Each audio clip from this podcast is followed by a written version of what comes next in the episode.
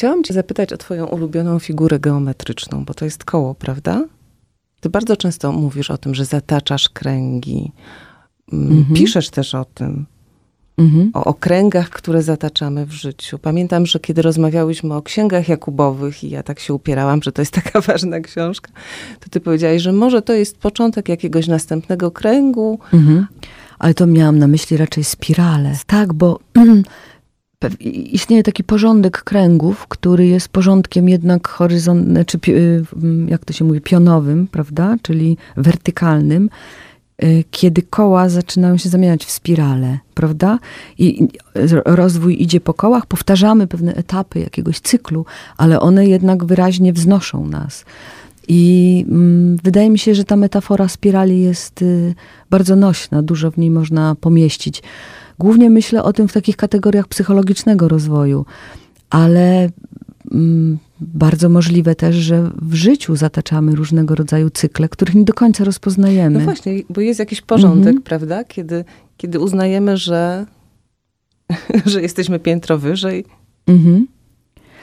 Wiesz, ja Czy tak, u ciebie to książki? spos- tak, tak postrzegam swoje pisanie, że y, gdzieś na początku, kiedy się zaczyna stawiać pierwsze zdania, przychodzimy już do, do pisania z, jakby z takim koszykiem tematów, które potem będziemy eksplorować.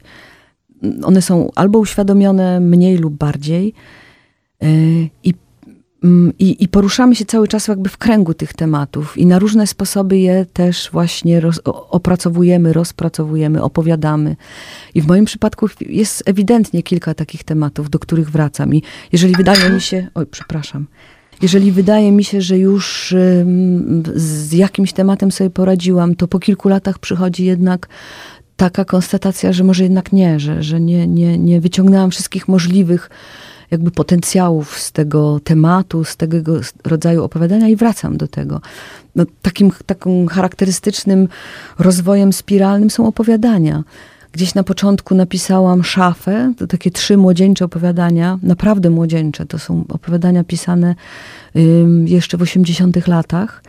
Potem wróciłam do tej krótkiej formy, bo ona jest jednak w jakiś sposób y, bardzo taka sycąca, pisanie opowiadań. Chętnie o tym opowiem za chwilę. Ale też jakby nie wyczerpałam do końca, bo pomysły dalej na opowiadania, na krótkie, puentowane formy literackie przychodziły i teraz trzeci raz y, skonstruowałam y, zbiór opowiadań. Także bardzo możliwe, że jeszcze jeden cykl będzie przede mną i wtedy jeszcze je, jeden raz napiszę opowiadania. Mm, I można by było na taki porządek spiralny spojrzeć też na, na, na inne moje książki. Bałam się pytać o te krótkie formy, bo to samo się narzuca po takiej długiej formie, jaką Mhm. są księgi Jakubowe, prawda? Żeby cię, broń Boże, nie zapytać o to, czy musiałaś sobie odpocząć od pisania czegoś tak długiego. Ale to nie jest, jak słyszę, forma odpoczynku, pisanie opowiadań. Nie, to jest zupełnie inna aktywność y, umysłu, wydaje mi się. Y, Często sama sobie zadaję to pytanie, na czym polega pisanie dłuższej formy. Myślę, że w, w powieściach jest, jest takim istotnym ym, elementem jest wprowadzenie się w trans i jakby takie rozgoszczenie się w tym transie. I księgi Jakubowe były doświadczeniem absolutnie ekstremalnym, ponieważ trwało to bardzo długo. Naprawdę kilka dobrych lat swojego życia tkwiłam w tych księgach Jakubowych.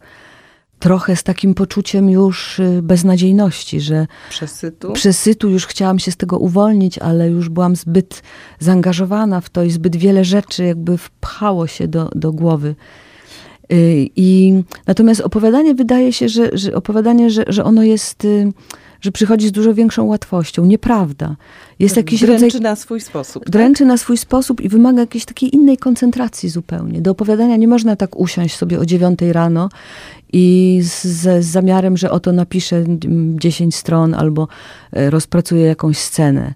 Opowiadanie polega na tym, że ten stan e, polega na tym, że musisz mieć od początku do końca jakby początek i koniec, znać mniej więcej całość, wiedzieć jak to się skończy, ale też y, pilnować się na tym, żeby nie przegadać, żeby właśnie się nie, nie, nie, nie poddać temu transowi pisania. Y, Dla mnie też opowiadanie jest zawsze formą dosyć y, mm, wymagającą przez to, że dobrze ustruktury, ustrukturyzowaną. ja jestem starej szkoły. Wierzę, że opowiadanie musi mieć początek, punkt kulminacyjny i zakończenie, które jest mocną puentą. Ona może być otwarta, mm, może być zamknięta, ale musi być ta puenta. I nie wiem, czy kiedykolwiek próbowałaś pisać, ale puenta, znalezienie puenty jest, jest czymś, jednym z najbardziej mm, no, trudnych rzeczy w pisaniu. Bo w mówieniu też. W mówieniu też, Podobno prawda? każde właśnie wystąpienie powinno się w radiu kończyć jakąś puentą. Puentą. Mhm. No o to najtrudniej. Mhm. Więc y, znalezienie takiej puenty, która by podsumowywała niejako to wszystko, co powiedzieliśmy w poprzednich scenach, na poprzednich stronach. Nie zepsuła tego. Nie zepsuła tego. Jest bardzo trudne i tak, i trzeba się skoncentrować. To trzeba pozostawać jakiś czas w, w bardzo mocnej, precyzyjnej koncentracji.